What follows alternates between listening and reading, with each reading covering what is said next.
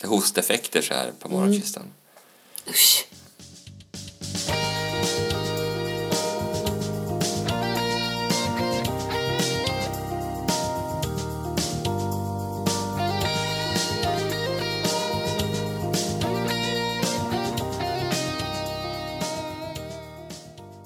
Linda, du var inte med i Tobaksfri Duo när du gick i skolan eller? Tobaksfri vadå? Tobaksfri Duo, det var en, en, någon form av uppmaning att man skulle hålla sig från tobak. Rökning. Som någon smoking generation som det hette när jag gick i skolan. Det var coolare på din tid. Var det? Non-smoking generation. Ja, jag vet. Och så fanns det tröjor och värsta så här, lo- logos.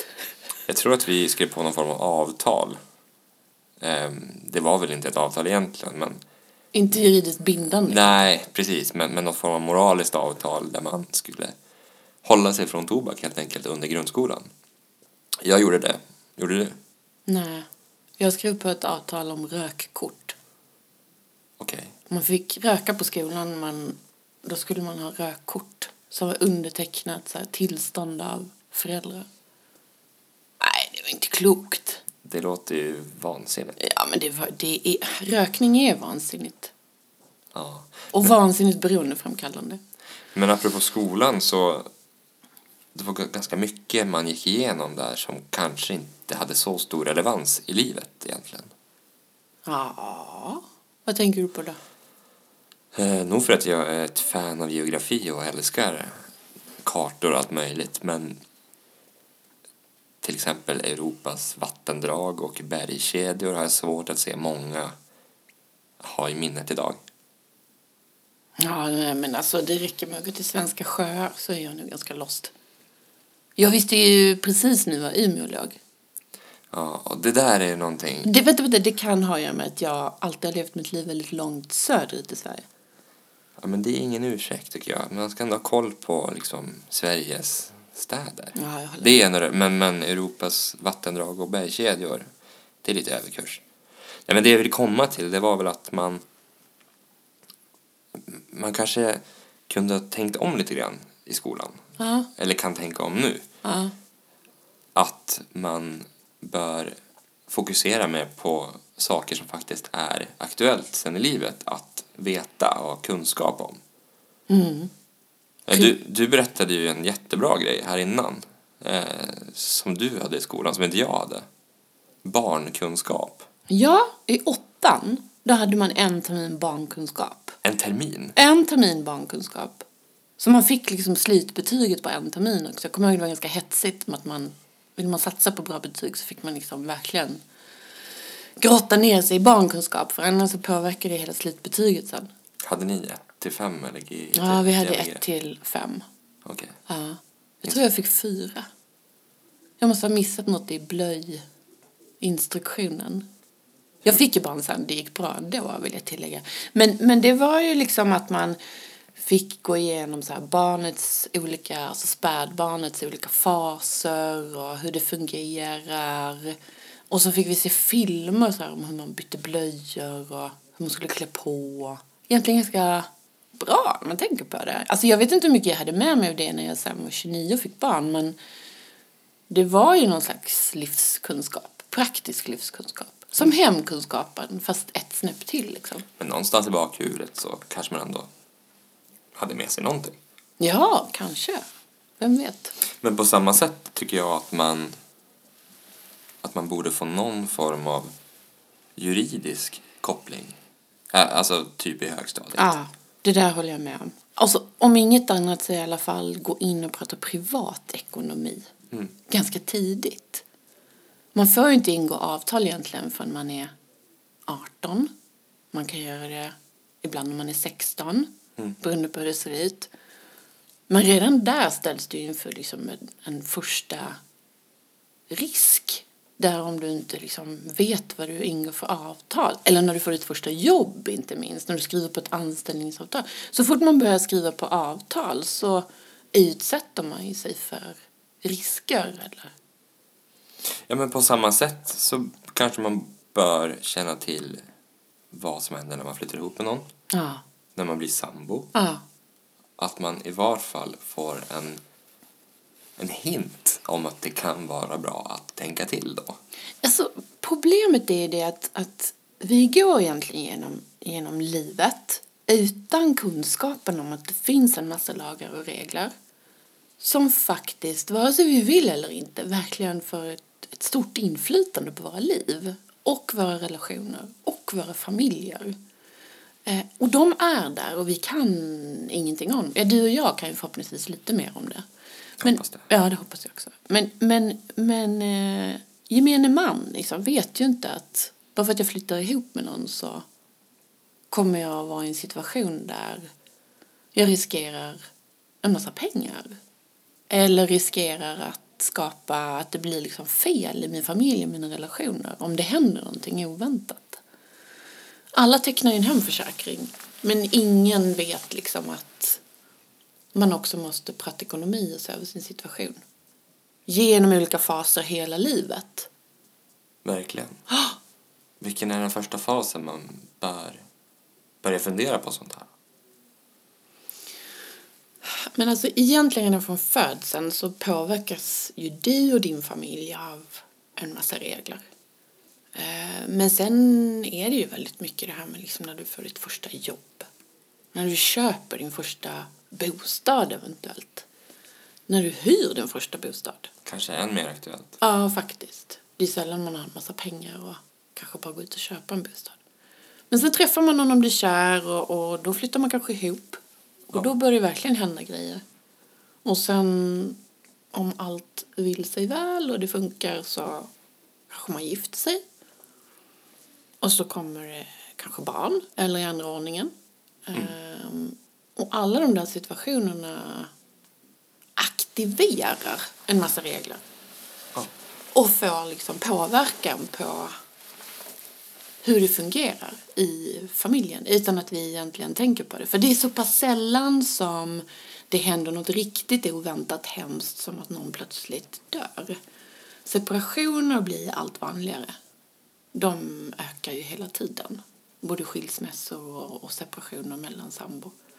Och med barn då har du ju en massa regelverk där också kring underhåll för barnet, var barnet ska bo, vårdnad, vem som har rätt att träffa barnet, liksom vilka tider. Ja, det är mycket kring juridik och jag håller med dig. Någon liten eh, del i skolan borde verkligen handla om lagar och regler och hur de påverkar oss. Ja, och det behöver ju liksom inte vara överdrivet på något sätt. Men Nej. istället för en termin barnkunskap, eller det kanske man också ska ha, Ja. så kanske man bör ha en termin privat juridik, privaträtt. Hur var det Eller hemkunskap? privatekonomi som ja. du tänker. Men hur var det i hemkunskapen? Jag försöker komma ihåg, fick man hushållsekonomi? Fick man det? Jag har ett vagt minne av att man kanske tittade lite grann på det men Ja. jag har desto större minnen av att jag stod och diskade. ja. Jag med och att jag brände potatis i ugnen. Och tvingades äta müsli som jag själv hade gjort och som gav mig kvällningar. Skulle du säga att du har blivit bättre i köket sedan dess? Ja, mycket bättre faktiskt. Men müsli gör jag ju aldrig efter det där. Minns du vad den bestod av? Nej, jag har nog lyckats förtränga det mesta. Men jag misstänker att det var russin och havregryn och ingen granola. Ingen bowl får man köra idag. Nej, men jag tänker också eh, det här med att man eh, går, in, alltså går in i avtal. Man köper en mobiltelefon till exempel Ja. och skriver på ett, ett avtal om abonnemang eller eh, och att man glömmer att betala en faktura. Det där kan ju, det där ger ju en massa ringar på vattnet. Mm. Du ingår ett avtal, får en faktura, betalar inte den. Har du tur kommer det en påminnelse. I värsta fall kommer det till en kassokrav. Då har du redan där lagt på en massa avgifter så det blir jättedyrt. Ehm, och i allra värsta fall så går det då en så ansökan om betalningsföreläggande till Kronofogden. Och som privatperson, eh, om du får en, en, en sorts anmärkning i det registret Då syns det ju varje gång du sen vill, om du vill hyra en lägenhet eller om du vill köpa en mobiltelefon och teckna ett nytt abonnemang. Då blir det bara stopp. Alla säger nej.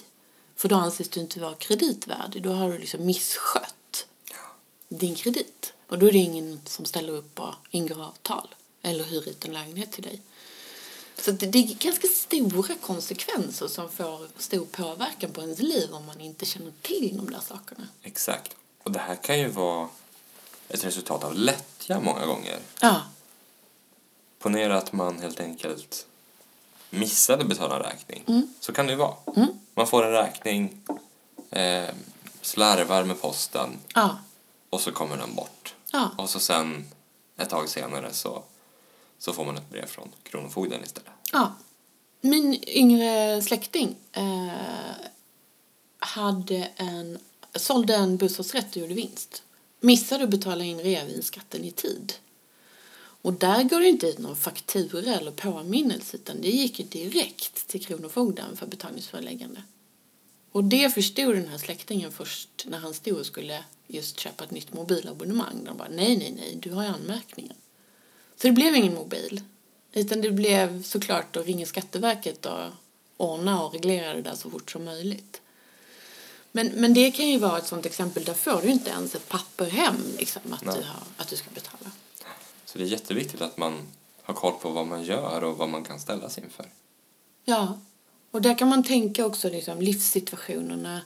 Från födseln till döden så går du igenom olika faser och situationer i livet där man alltid liksom bör förvissa sig om hur påverkar lagar och regler mig i den här situationen.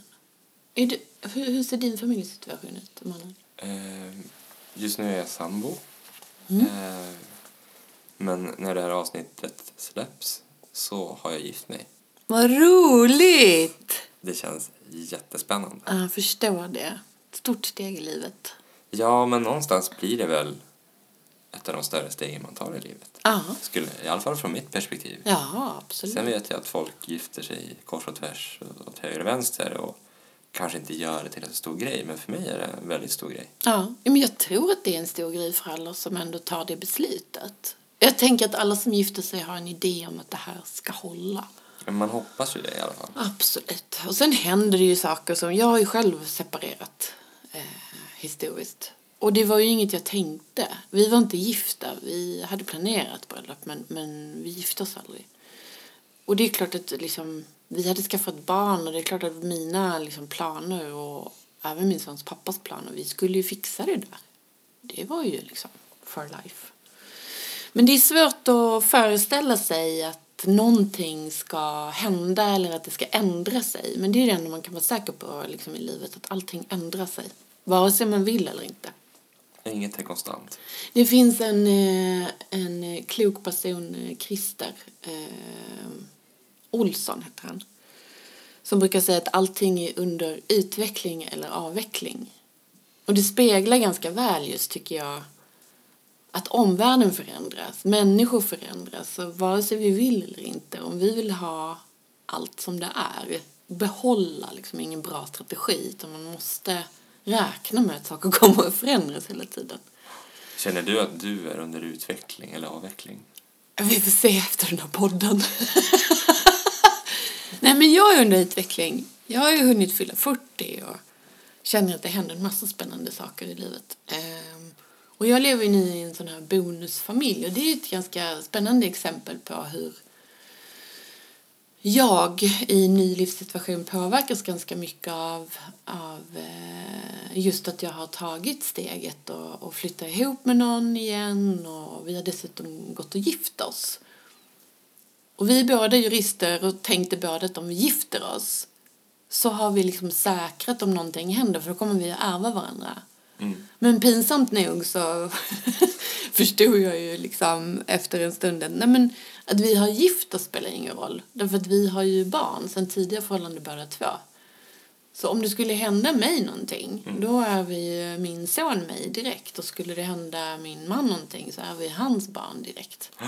Och då befinner vi oss i en situation att, att allt liksom det som är vår familjs trygghet idag, vår bostad. Det är vår samlingspunkt. Det är där vi är, det är där vi liksom möts och hänger och finns och verkar. Ja, men med största sannolikhet så skulle ju någon av oss då, som, den som har överlevt den andra, skulle ju behöva sälja kanske bostaden. Mm. Så då befinner man sig dessutom i, en- i man har sorg, det är kris, verkligen utveckling om man säger så. Eh, och då skulle man dessutom behöva liksom bryta upp ekonomi och, och allt som blir så himla jobbigt i den situationen. Så nu har vi ju förstått att vi måste skriva testamente då också om vi vill liksom skydda varandra och barnen. Eh, så länge de är omyndiga dessutom. De är ju ganska små fortfarande.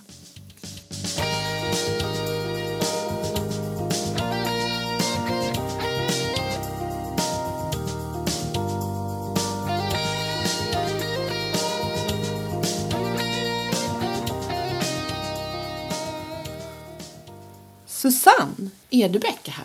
Hej! Hej! Hej! Silke är hon också. Ja, oerhört silke i sommarvärmen. Ja, det syns inte hur silkig och snygg Susanne är, men hon glänser. Tack! Skiner. Du är här som vår expert idag Yes. på juridiken och familjen och hur det påverkar våra relationer. Eh, vi har ju suttit och pratat lite om det, jag och Manuel, och våra livssituationer. och Manuel ska gifta sig snart. Och du har gift dig. Och jag har gift mig, nu var det två år sedan, men, men eh, hur vi liksom påverkas utifrån det. Och, och då pratar vi liksom just om tidslinjen, alltså från vi föds till vi dör. Så är vi i olika faser i livet och vi påverkas på olika sätt. Ja, men och så, som du sa innan, att man, eller olika eh, juridiska delar aktiveras utifrån skeden i livet. Ja, Och det är ju verkligen så. Man föds, då aktiveras en typ av juridik kan man säga.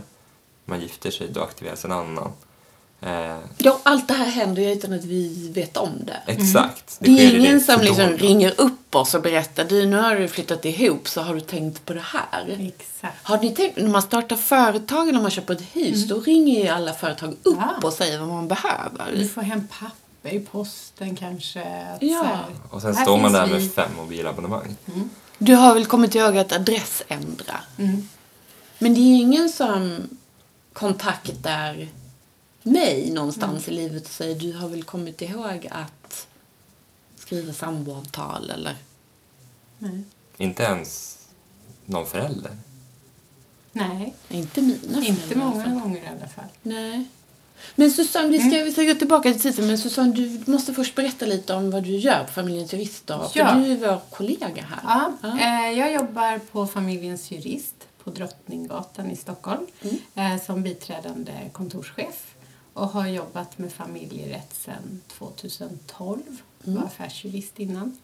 Ehm, så att jag eh, har stött på en hel del just såna funderingar från människor eh, som känner, varför har inte, jag känner inte till det här, varför har ingen berättat? Nej. Till exempel, man ska flytta ihop med sin kille eller tjej. Ja. Och vad Och som har ni då. tänkt på det där när man sitter på en middag Mm. Och så får någon veta att man är jurist eller om man börjar prata om det där lite grann och så oftast får man ju frågor om helt andra saker än familjejuridiken för att de vet inte ens att de precis har gift sig men att de borde liksom Förhoppningsvis vet de att de har gift sig. Ja men det vet de ju oftast. Det brukar de ju ha full koll på. Men, men, och så tänker man så här, ska jag vara den där dysterkvisten? Som säger så Olyckskorpen. här, Olyckskorpen. som bara, Ja, du vet väl att 50 procent av alla äktenskap slutar i skilsmässa. Du har väl tänkt på äktenskapsförord?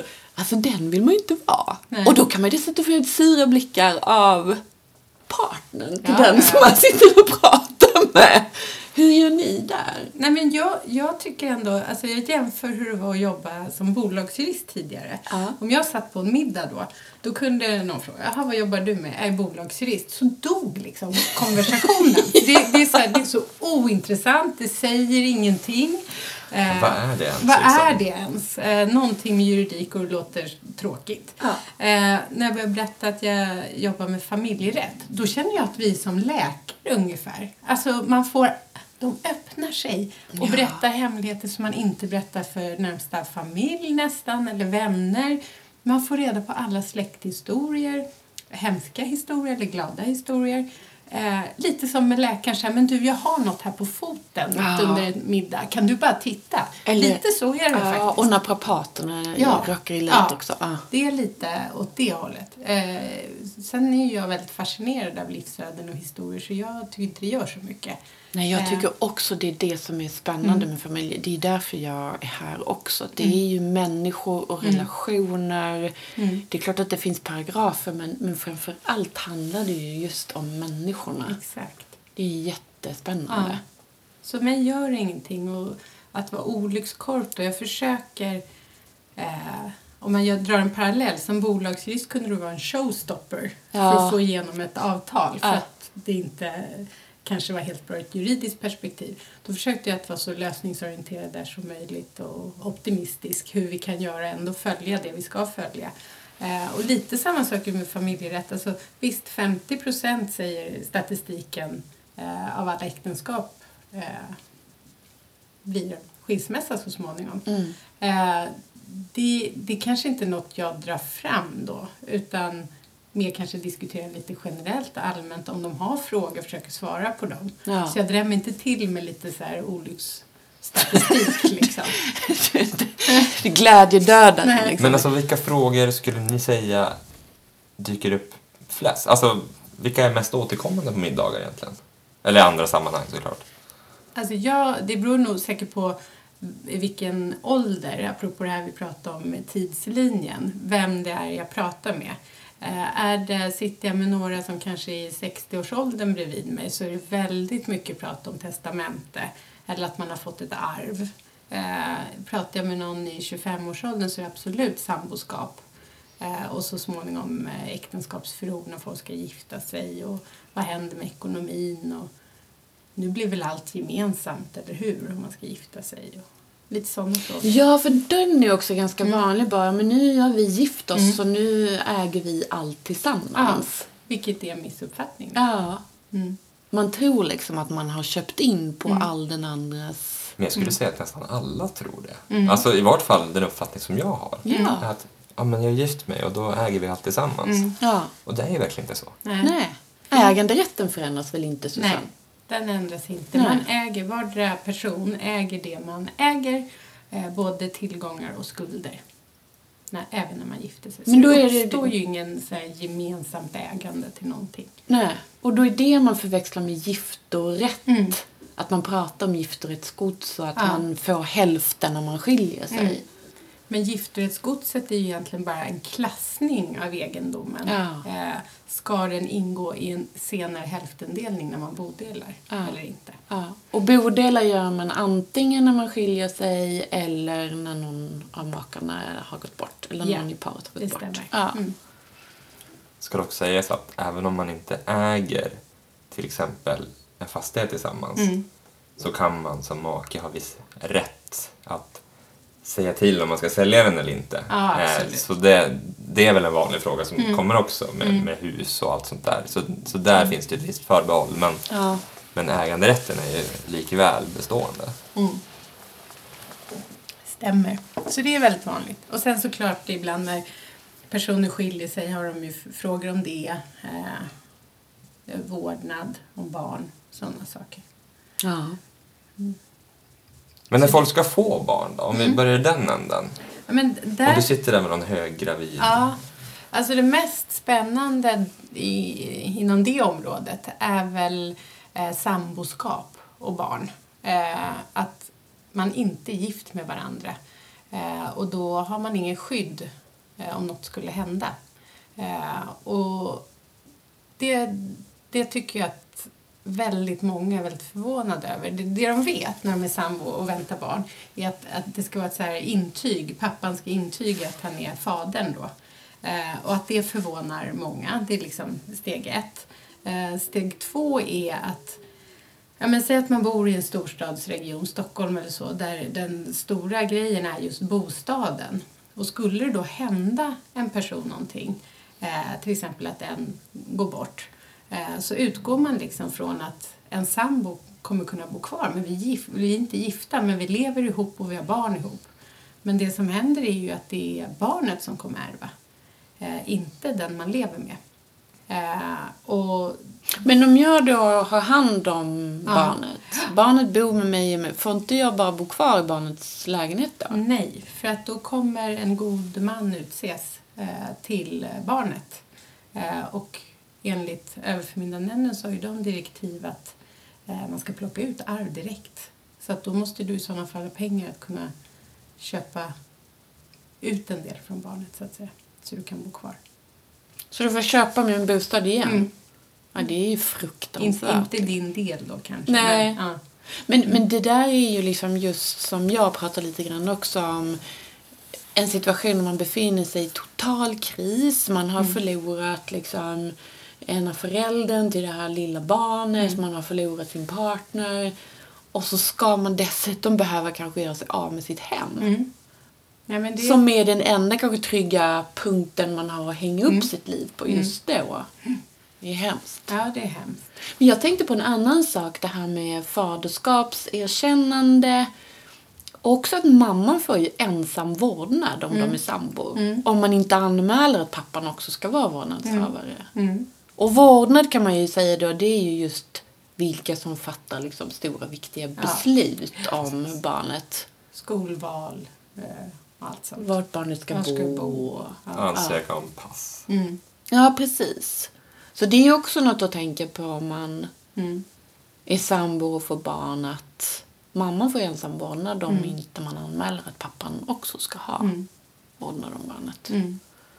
Ja, Ja, så just samboskapet där finns det mycket man skulle vilja eh, upplysa folk om faktiskt. Ja. För de är inte tillräckligt upplysta där ute i samhället. Eh, och det ska ju, alltså sambolagen finns ju till för att vara någon slags light-version av äktenskap.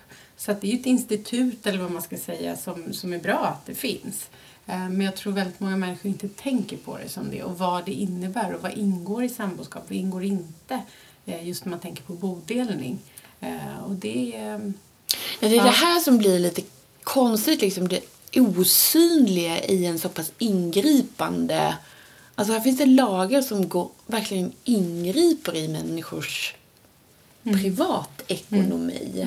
När det blir, för de finns där och de gäller, man känner inte till det och sen kommer det som en, en käftsmäll liksom i...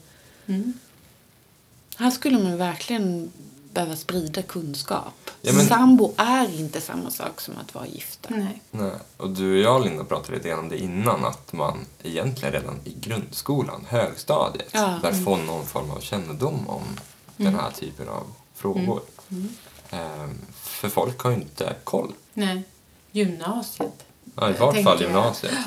Eh, för Många blir ju sambos Ja. nästan under gymnasiet Ja. till och med. Och så tar man eh, studenten, eh, flyttar kanske ihop med någon för det är också mer ekonomiskt fördelaktigt. Det kan ju få folk att flytta ihop. Och då pratar vi inte kompisar utan Nej, Eh, under äktenskapsliknande förhållanden. Exakt. Ja, jag Ja. kan jag.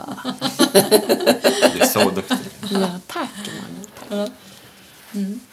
Så att eh, absolut, eh, det skulle behövas mer kunskap just om samboskap. Om man tänker sig vidare i livet där Mm. sen då? Eh, Om man ska gifta sig till ja. Ja, och där kan man ju liksom göra, hitta en slags brygga om man tänker mellan samboskap. Jag träffar ju, jag har träffat många genom åren som dels är sambo och kanske liksom några principiella skäl inte vill gifta sig. Eh, men de vill skydda varandra som om de vore gifta. Och det går ju liksom inte juridiskt sett. Det går inte att göra det lika vattentätt. Eh, och någon gång kom det in någon, de hade skrivit ett eget avtal, jag tror det var 17 eller 19 sidor långt. Eh, avtal som de själva hade rätt, liksom, rättat ihop. Ambitiöst ändå. Ja, väldigt Ja. ambitiöst. Då Eh, har man tänkt till, känner Ja, jag. och det var nästan på som, vem som äger vad, vad ska hända med den om vi skulle separera, eh, om någon dör. Det var otroligt komplicerat dokument. Eh, och sen avslutar de med just att säga att det ska vara precis som om vi är gifta. Ja. Och då ställde jag bara frågan, men varför går ni inte och gifter er? För det första, den här typen av avtal är inte okej att skriva enligt svensk lag. De gäller Eh, inte. de gäller inte. Man kan inte tvinga fram Nej, inte att- resultatet av nej. det man har skrivit. Nej. det går inte att verkställa. Eh, och även om, om jag skulle ratta ihop det här på juridiska då, om man kan kalla det så, så blir det oerhört mycket dyrare än att bara gå till Stadshuset, som faktiskt också är avtalet mellan er. Eh, så där var det ju att man fick prata om att jag pratar Alltså det handlar, I det här fallet, utifrån det ni vill göra nu, handlar det inte om romantik längre, utan juridik. Ja. Eh, gå till Stadshuset, två minuter tror jag. Ja. Den, är det den långa eller korta versionen? Ja, men Ja, två det- minuter. Det är nog den långa. Så har ni ett, ett avtal som ni vill ha. Och sen behöver ni inte prata med någon om det.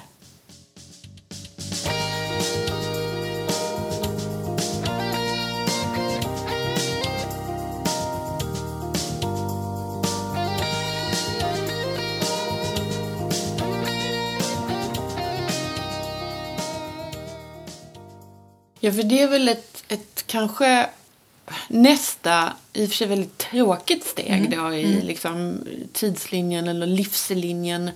Men eftersom det ändå är så pass många som faktiskt skiljer sig så, så kan det ju också vara värt att, att få dina kommentarer just lite på skilsmässan. Vad, liksom, vad finns det för juridik där? För där finns det en del tvingande delar som man måste göra. Mm, absolut. Eh, och ofta så tycker jag att man måste ha... Det är oftast mycket känslor eh, i samband med en skilsmässa. Eh, och man kanske är lite arga på varandra. Eller så är man inte det, men blir på resans väg. Ja. Just när man kommer på...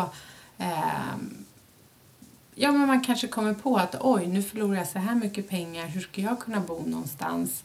Eh, och varför kan inte den andra parten vara lite schysstare? visst, det, det bubblar upp massa Ja, sånt där. man träff, den ena träffar en ny. Ja, det ja, kan ju ja. utlösa liksom hur stora konflikter Ja. som helst. Väldigt mycket så. Att den andra går vidare lite för fort. Och sen när man dessutom adderar barn i, i bilden eh, och det kan så småningom eh, liksom bli vårdnadsfrågor eller boende umgängefrågor eh, så brukar jag i alla fall försöka med att inleda med att båda parter måste liksom ha utgångspunkten att man höjer blicken lite, eh, försöker blicka mer mot horisonten eh, och få till en millimeterrättvisa är nästintill omöjligt. Eh, man måste, det måste till någon form av kompromiss Ja. eh, som båda kan leva med. Ge och ta, ge, och ta. Ja, verkligen. För lyckas man med det i en bodelning så ökar ju det också förutsättningarna för att man kommer kunna hantera frågor rörande barnen eh, mycket bättre. För det har jag ju sett. Jag Mm. jobbade ju för många år sedan som ombud i vårdnadstvister. Mm. Eh, och där var det väldigt ofta det här, liksom, det här pratar man ju generellt inte om, Nej. men ofta är, var det ju liksom en ekonomisk konflikt som spillde över Ja. till att man blandade in barnen. De blev liksom vapen i den här konflikten. Eh, vilket ju är fruktansvärt för barnen. För de älskar sina föräldrar, de är lojala och så hamnar de liksom mitt i det här kriget. Så att, att just så fort som möjligt sätta hur man vill ha saker Ja. och ting och hur det ska bli ekonomiskt och för barnen. Mm. Det var det jag liksom Ja. funderade mycket kring. Man borde göra allting tidigt. Och man ska ju utgå enligt lag från barnets bästa Ja. om man är inne på vårdnadsfrågor. Ja. Eh, och det måste man ha med sig från början.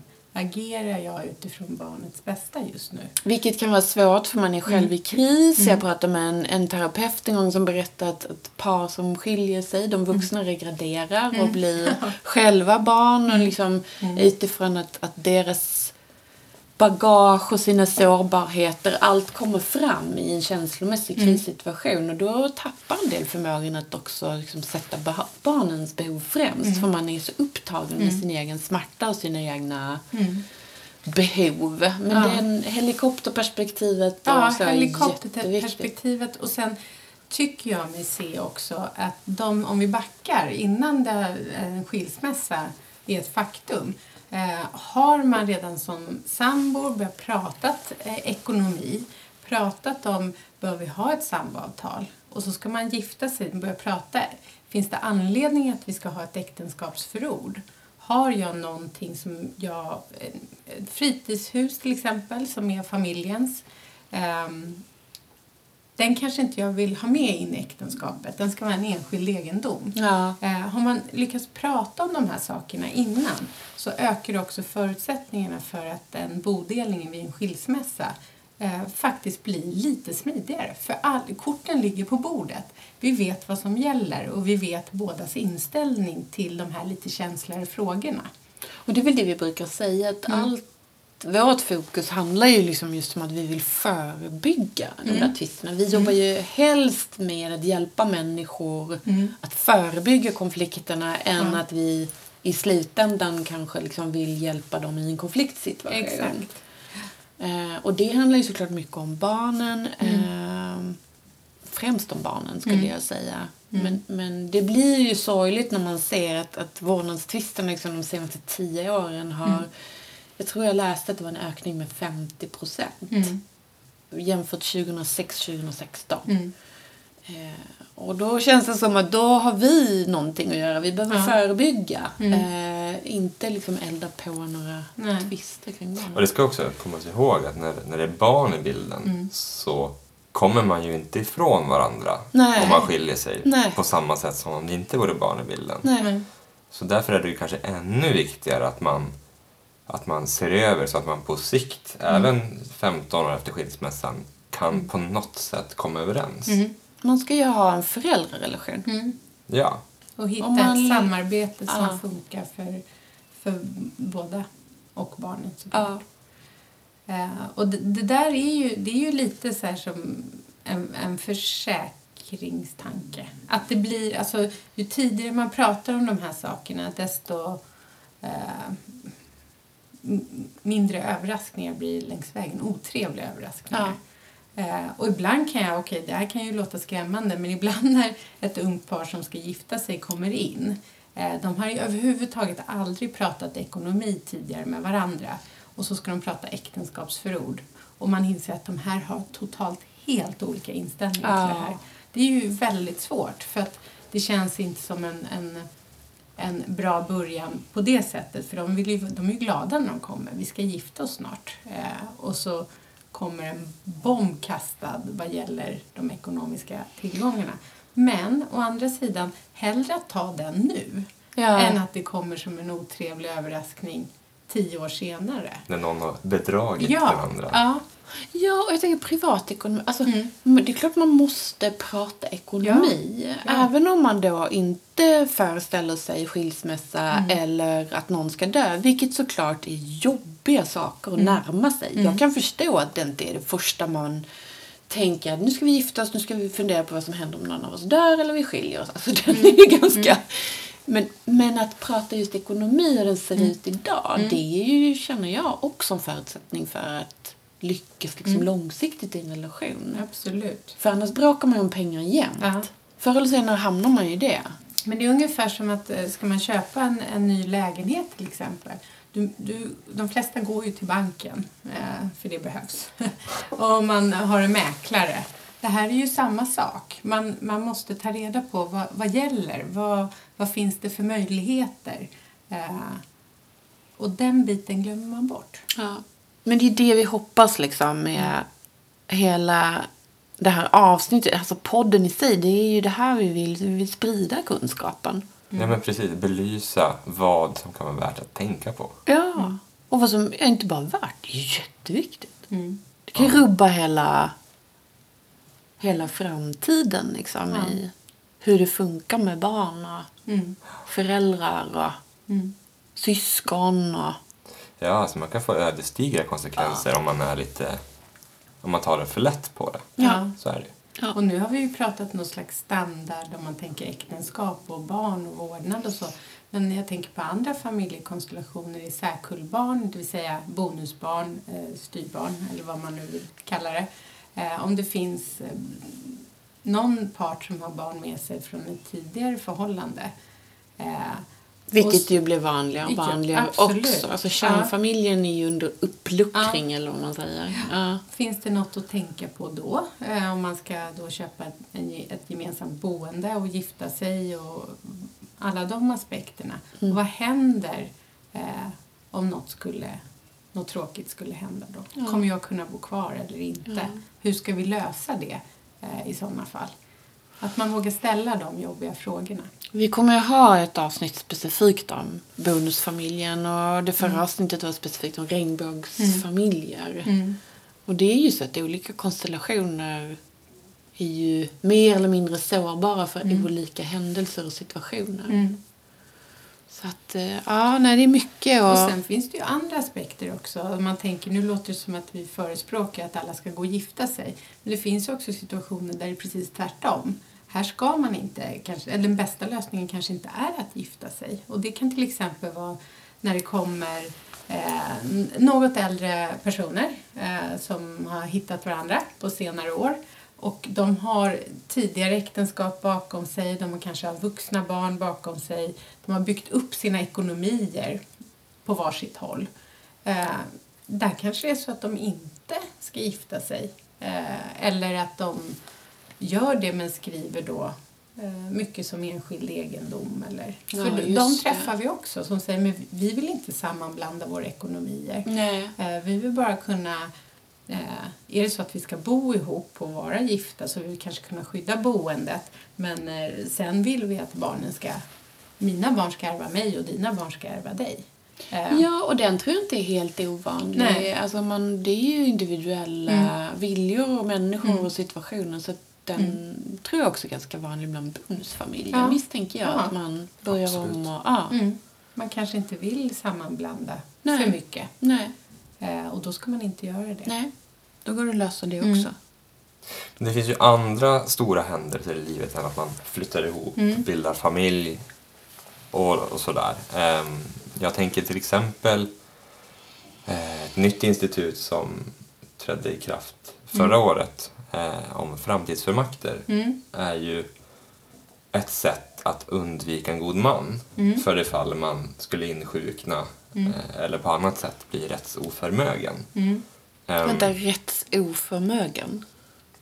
ja, men Det var svårt. att man hamnar i en personlig sits, kanske för att du blir sjuk eller skadar dig på något sätt, att Ja. du inte är med så att säga och inte kan ta beslut som behöver tas. Okej. Så kan man på förhand utse någon som får göra det åt en istället för att kommunen ska utse en god man. Jag kan alltså be min man eller min syster om jag hade haft någon. Ja men precis. Ja. Istället för att någon helt utomstående ska komma in och börja eh, hålla på med din ekonomi och dina personliga angelägenheter så skulle du kunna utse din man eller syster på förhand. Ja. Och det är ju en jättebra grej tycker jag. Man tänker sig någon slags planera framtid eh, situation. Ja men precis. Ja. Och, och det är ju lätt att man snöar in sig på att det här bara gäller gamla människor. Nej, nej. Jag skulle ju som det låter behöva en framtidsfullmakt redan nu. Jag glömmer bort var jag har lagt nycklar och ibland vad du heter, Emanuel. Det var Linda va? nej, men jag, absolut. Framtidsfullmakt, det, behöver, det, gäller, ju- det kan ju hända när som helst. Ja. Vad har du Susanne för bild av den? Eh, ja, det är ganska nytt för oss jurister också. Eh, men det rör ju egentligen, alltså, det kan ju vara allt möjligt. Det kan ju vara att jag behöver hjälp med att sälja en lägenhet, jag behöver betala räkningar, eh, men fatta stora beslut. Och vem vill jag ska göra det åt mig den dagen jag känner att jag inte kan? Eh, jag skulle personligen tycka att det var jättejobbigt om det kom in en random god man eh, och gjorde det här. Eh, när jag skulle kunna välja min man eller ett syskon. När mina, om jag liksom tänker att man har vuxna barn kanske man vill att barnen ska göra det. Mm. Så att jag, det, den, det är ett jättebra verktyg, eller vad man ska kalla det, eh, som man kan börja använda nu. Man vill ju ha någon som tycker om en Ja. och vill en väl. Ja. Så man känner att här är jag trygg Mm. och vet att den här personen vet vad jag vill. Och Mm. jag, om jag själv skulle liksom bli dement exempelvis. Eh, om inte jag själv kommer ihåg vad jag tycker Mm. om så är det Ja. skönt att det är någon som, Som vet. som vet vad jag Mm. gillar. Ja, precis. Och det här känns ju i alla fall för mig nästan lika viktigt som ett testamente i många fall. Mm. Där man i ett testamente kan förutbestämma vad som ska hända när man dör med sina Mm. tillgångar. Så, och då i, ett, i en framtidsfullmakt kan man bestämma vad som ska hända med en själv ifall man blir sjuk eller så. Mm. Ja. Det är ju jätteviktigt. Ja. Mm. Ja, men det är, det är en väldigt en bra grej. Men kan en framtidsfullmakt också om vi säger att jag hamnar i, i koma eller att jag blir medvetslös eller kan man i framtidsfullmakten också liksom ta med saker som vad ska gälla medicinskt? Vem ska ta beslut om jag ska ha livsuppehållande? Det kanske Ja. man inte kan i Sverige, I- bara i USA. Jag blandar Ja. ihop med tv-serier. inte medicinska frågor. Nej. Det ingår inte. Aldrig. Aldrig. Nej. Så att det här är um, andra frågor. Ja, men det kan ju vara tryggt att veta Mm. att ingen bestämmer sig för att knäppa av apparaten. Nej, det det hade kommer varit inte sorgligt. Ja. Nej, bra. Utan det är den typen av beslut som en god man skulle kunna fatta. Ja. Eh, så att det är egentligen det mesta andra. Mm. Mm. Ska vi köra dilemma? Ja. Mia och Stefan har varit ett par i snart fyra år och Mia tycker verkligen att Stefan är the one. När de får syn på en annons om ett fantastiskt radhus bestämmer de sig för att ta steget. Det är dags att bli sambor. Mias mamma dog förra året och efterlämnade en rejäl slant till Mia som var hennes enda barn. Och det är ett arv som nu blir en utmärkt kontantinsats till det här radhuset. Det är tur i sammanhanget, för Stefan har inte jättemycket pengar. Sagt och gjort, de köper radhuset och Mia står för hela kontantinsatsen på en miljon. De flyttar in och tiden går, men det visar sig att sambolivet inte var någon dans på rosor. Stefan är medioker i köket och Mia i sin tur är inte jättebehjälplig med gräsklippningen. Efter många långa diskussioner bestämmer de sig för att gå skilda vägar. Stefan flyttar ut och efter några dagar läser han på internet att han har rätt till halva huset eftersom de har köpt det tillsammans. Men är det verkligen schysst när Mia faktiskt har betalat allting? Samtidigt så behöver Stefan verkligen pengarna. Efter en stunds funderande så ringer Stefan till Mia och begär bodelning. Vilken eh, skitstövel Stefan var. Ja, Eller? tråkigt. Ja. Du, du tvekar, Susanne. ja men jag tänker bara så att det finns ju eh, en moralisk aspekt, eller vad man ska säga. Sen finns det ju en laglig aspekt. Och eftersom hon då har gått in med mer pengar, en kontantinsats, utan att då ha skrivit ett samboavtal och skuldebrev, så säger ju lagen att han har rätt till hälften. Ja. Men det är det här som är... Det är det här som är läskigt just med reglerna som finns där och som om man inte kan dem förstår man inte ens att man behöver skydda sig. Nej. Och där skulle man ju kunna resonera då att eh, ja men vi två kan ju komma överens om annat såklart. Eh, och man kan ha en moral. Han skulle kunna säga ja men du fick ju det här av din mamma så du ska ha en miljon mer. Eh, Man kan vädja till Stefans liksom, det skulle man kunna försöka. moral och känsla för vad som är... Försöka trycka Schysst. på rätt knappar. Ja, kanske skuldkänslor i det här fallet eftersom han ju då faktiskt har betett sig. Men om han då bara rakt upp och ner läser vad lagen säger Ja. som också kan ge en slags det här är din rättighet eh, så skulle man ju då från hans sida kunna säga men det här har ju jag rätt till och det, lagen är väl inte omoralisk. Nej, men resultatet känns ju lite omoraliskt i det här fallet. Mm. Mia har förlorat sin mamma. Det hon har kvar är pengarna. Mm. Hon lägger in dem, flyttar ihop med Stefan. Mm. Försöker skapa en trygghet där. Han bedrar henne. Och hon ska finansiera hans nya liv med en ny kvinna. Mm. Det känns ju inte så moraliskt. Nej.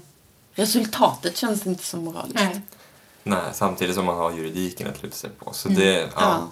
det blir verkligen tvetydigt ändå på något sätt. Även om det rent moraliskt känns fel så är det ju rätt. Ja, det är här blir knepigt. Ja. Mm. Men vad, liksom, vad, vad, vill, vad ska man säga? Liksom, vad hade du sagt till Mia om du hade träffat henne?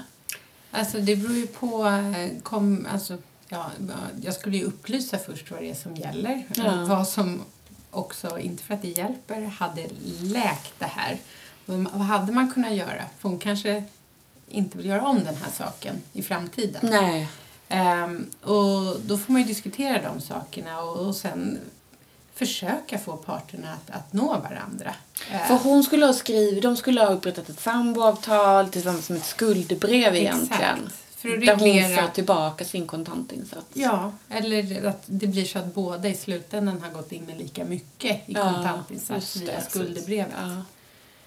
Ehm, så att där hade man ju velat göra det annorlunda. Ehm, sen när det gäller bodelning så får ju parterna komma överens eh, om vad de vill. Ja. Ehm, så det beror lite på hur... Så här har Mia mest att vinna på att vädja till hans känsla för vad Ja. som är rätt och fel helt enkelt. För rent strikt juridiskt så finns det inte jättemycket hon kan göra Nej, här. Tyvärr inte. För han har den lagliga rätten. Ja, Ja. det blir en dyr läxpeng inför nästa förhållande, eller vad man ska säga. Ja. Ja, så när Mias pappa då går bort så får vi hoppas att det blir bättre. Ja, och att kanske Mias pappa har skrivit ett testamente där Precis. det ska vara enskild egendom, det som eh, Mia ärver. ja, där det då inte heller ska ingå i bodelning mellan sambor. Exakt. Och det var ju precis det som Mias mamma hade kunnat göra. Nu ska vi ju inte lägga henne till last för det Nej. med tanke på att hon inte finns längre i det. Ehm, Men hade hon skrivit ett testamente där hon hade noterat att det skulle utgöra enskild egendom så hade det här problemet aldrig uppstått. Nej. Men visst är det så att om de bara hade bott ihop en, en låt säga ett år, Mm. då hade det funnits möjlighet att få jämkat reglerna va? Ja, om de hade varit gifta finns ju jämkningsregler. Men inte för sambor? Nej. Aj då. Ja, Ännu en fördel till att gifta sig. Ja, Ja. men sen är det också viktigt om man ska bara som en, jag ska inte säga att det är en parentes, men när det gäller en enskild egendom, men om, om ni hade ärvt det som enskild egendom, gått in med det i boendet eh, som en kontantinsats, eh, med åren och så vidare så kanske de här pengarna, de kanske säljer, köper nytt, eh, pengarna går någon annanstans. Till slut kan du inte härleda den enskilda egendomen. Och det är också en fara i sig. Ja. Eh, Så att man måste hålla lite koll om man vill behålla den här som enskild egendom. Ja. Det är väldigt få som ärver och så har man ett konto som heter enskild egendom. Oftast just det. börjar man ju blanda in det Ja. i någonting Eh, och då gäller det att hålla koll på det. Just det. Mm. Jag tänker på också, vilket allt som oftast händer i familjer och genom livet, det är ju att man ger varandra pengar. Eller lånar ut pengar. Jag menar, det är jättevanligt att föräldrar ger sina barn eh, gåvor, större värden. Eh, inom par kan man ju låna pengar av varandra. Syskon, man lånar ut lite pengar till sin bror och sådär. Ehm, och det där gör man ju ganska ofta utan att skriva någonting. Ja. Eh, för att det är inom familjen och man litar på varandra och det känns jobbigt att komma med något, liksom, om det är skuldbrev eller gåvobrev eller...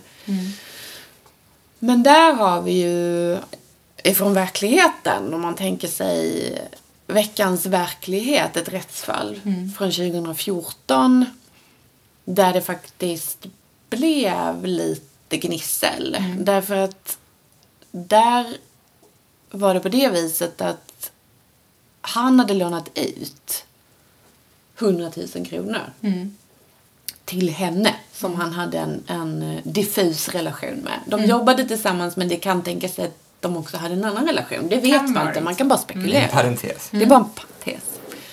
Eh, och var på han senare hävdar att nej men jag vill ha tillbaka mina pengar. Och de nej, nej, det där var en gåva. Och det där gick ju liksom i alla instanser. Därför att hur skulle man avgöra vad det var? När han säger gåva och hon... Nej, han säger lån och hon säger gåva. Eh, och, och Susanne, hur, hur blir det där? Liksom, om jag lånar ut en summa pengar och så säger eh, Gåvo, tar jag i- lånar ut till Manuel 100 000 och så säger nej, nej men det där var en gåva. När jag kommer och säger du de där 100 000 skulle jag kunna få tillbaka dem. Nej. Ja, men det HD kom fram till i det fallet var ju just, och det som blir gällande för oss jurister att Och titta HD på. är högsta Högsta domstolen. Då är det så att eh, det är den som påstår att det är en gåva som har bevisbördan, det vill säga måste bevisa att gåva föreligger.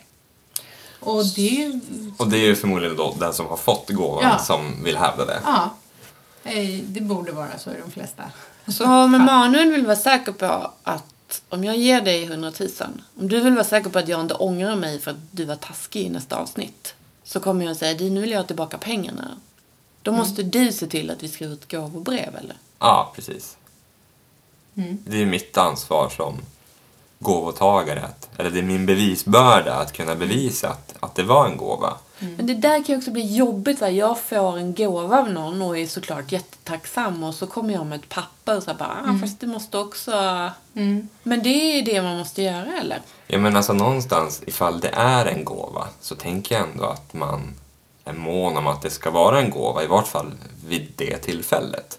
Så då bör det inte vara så svårt att få till ett gåvobrev heller. Nej. Sen är det klart att man om ett år senare hävdar annat, så kanske det är svårare att få till ett gåvobrev. Finns det andra fördelar med att skriva ut ett gåvobrev? Kan... Absolut, och det beror ju lite på olika scenarier. Vem är gåvogivare, vem är gåvo, gåvotagare? Är det föräldrar och barn så är det också jätteviktigt med gåvobrev. Varför då? Eh, därför De kan man ju lita på. ja, men det kan ju också bli om det finns syskon eh, och så går åren, föräldrarna går bort så småningom. Eh, är det så att gåvan är av ett så pass högt värde att det ska utgöra eh, eller det kan kränka något annat syskons eller barns barn till de som har då, laglott till exempel. Mm. Ehm, så brukar man ju också i det fallet föräldrar-barn skriva in i gåvobrevet om det till exempel ska utgöra förskott på arv eller inte. till exempel. Och presumtionen är väl annars att det är förskott på arv. Om man Precis. inte har skrivit någonting. Och presumtionen är att det är utgångspunkten. Ja. ja. På samma sätt är det ju väldigt viktigt att man, när det sker gåvor mellan makar, Ja, skriver Absolut. ett gåvobrev. ja. Varför då? Det... Eh, Men det är också, dels är det viktigt att göra det för eh, när man tar ju upp, man äger ju tillgångar och skulder. Ja. Eh, och därför är det viktigt att få upp gåvor mellan makar. Eh, man, man skickar in det till Skatteverket. Ja, det registreras. Det registreras. Ja. Och också om det finns, eh, det kan finnas särkullbarn med i bilden. Eh, ja, alla möjliga olika. Eh, Och där är det ju på samma sätt om man skänker en del av en fastighet. Mm. En hel fastighet, eller en del av en fastighet, så måste Lantmäteriet ha ett underlag. ja, måste ha ett, Som... ett original vill de se på ett ja, kodbrev just eller. För att göra liksom ägarbytet i fastighetsregistret. Mm. Ja, Vi ska börja runda av här, men Susanne, är det någonting du avslutningsvis skulle vilja säga? Nej, men ett allmänt råd bara att, att prata med varandra. Eh, vare sig det är din partner eller föräldrar eller de du har runt dig eh, gällande framtidsfullmakt eller så. Eh, för då blir det som man själv vill. Och det är det som är utgångspunkten eh, när det gäller juridiken, att man skyddar det man vill skydda. Eh, men om jag tänker det jag brinner för, eller där jag kan se fallgropar, är just samboskapet. Eh, för att de flesta är hyfsat oupplysta vad som faktiskt gäller ur flera olika aspekter. Ja. Och det kan vara allt ifrån eh, man flyttar ihop, vad händer med ekonomin, eh, vem äger boendet, eh, till de som faktiskt har varit sambor väldigt, väldigt länge och tror att de är skyddade även vid dödsfall, eh, vilket de inte är. Om de inte upprättar testamente eller går och gifter sig. ja, just det. Mm. Nej, men det är ju särskilt liksom, som du säger, det är många fallgropar och det är ju också kanske det steget vi lättast tar utan att stanna upp och tänka så mycket. I alla fall inte på juridik. Jag tänkte väldigt lite på juridik när jag flyttade ihop med min första pojkvän. Jag var bara tokkär och ville ha en snygg lägenhet och en, och en vit soffa kommer jag att jag ville ha. Hur länge var den vit? Mm, det minns jag inte. Jag vet att jag hade typ något gult skynke som jag la på och att min pappa tyckte att jag var helt dum i huvudet som köpte en vit soffa. Ja, men det är skönt att man känner att man har sina föräldrar på sin sida. Verkligen. Nej, men, men det måste ju vara likadant för er. Man flyttar ihop, det är fokus på kärlek och man har inga tankar på att det ska... Nej. Jag har ju bott med tre, fyra efter det. Ja. Eh, och det kanske inte är det vanligaste för alla, men, men jag tror att vi Mm.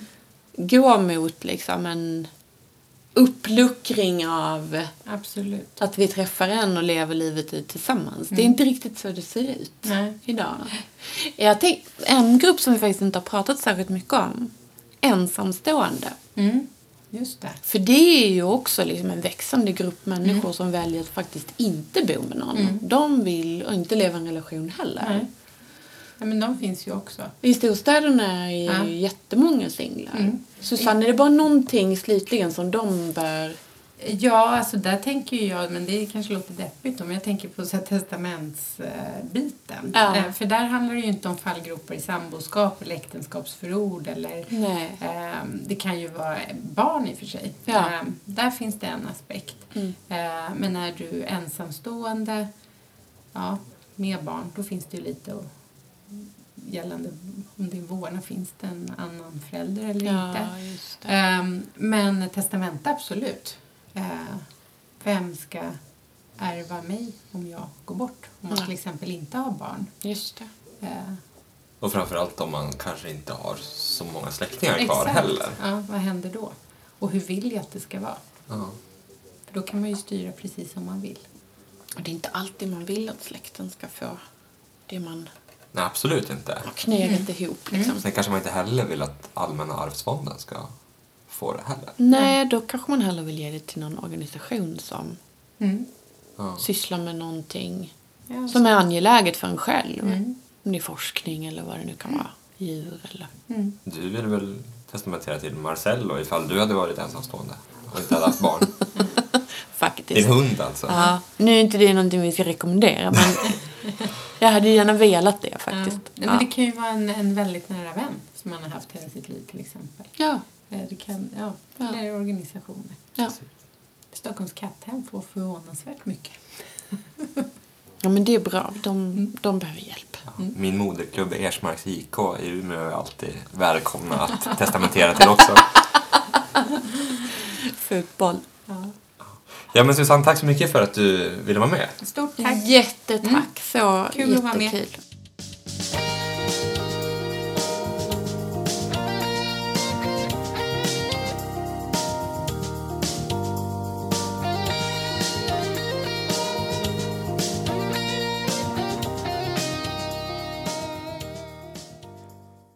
Lyssnat på det andra avsnittet av Familjens Jurist Podcast, Vi kan kärlek, död och pengar.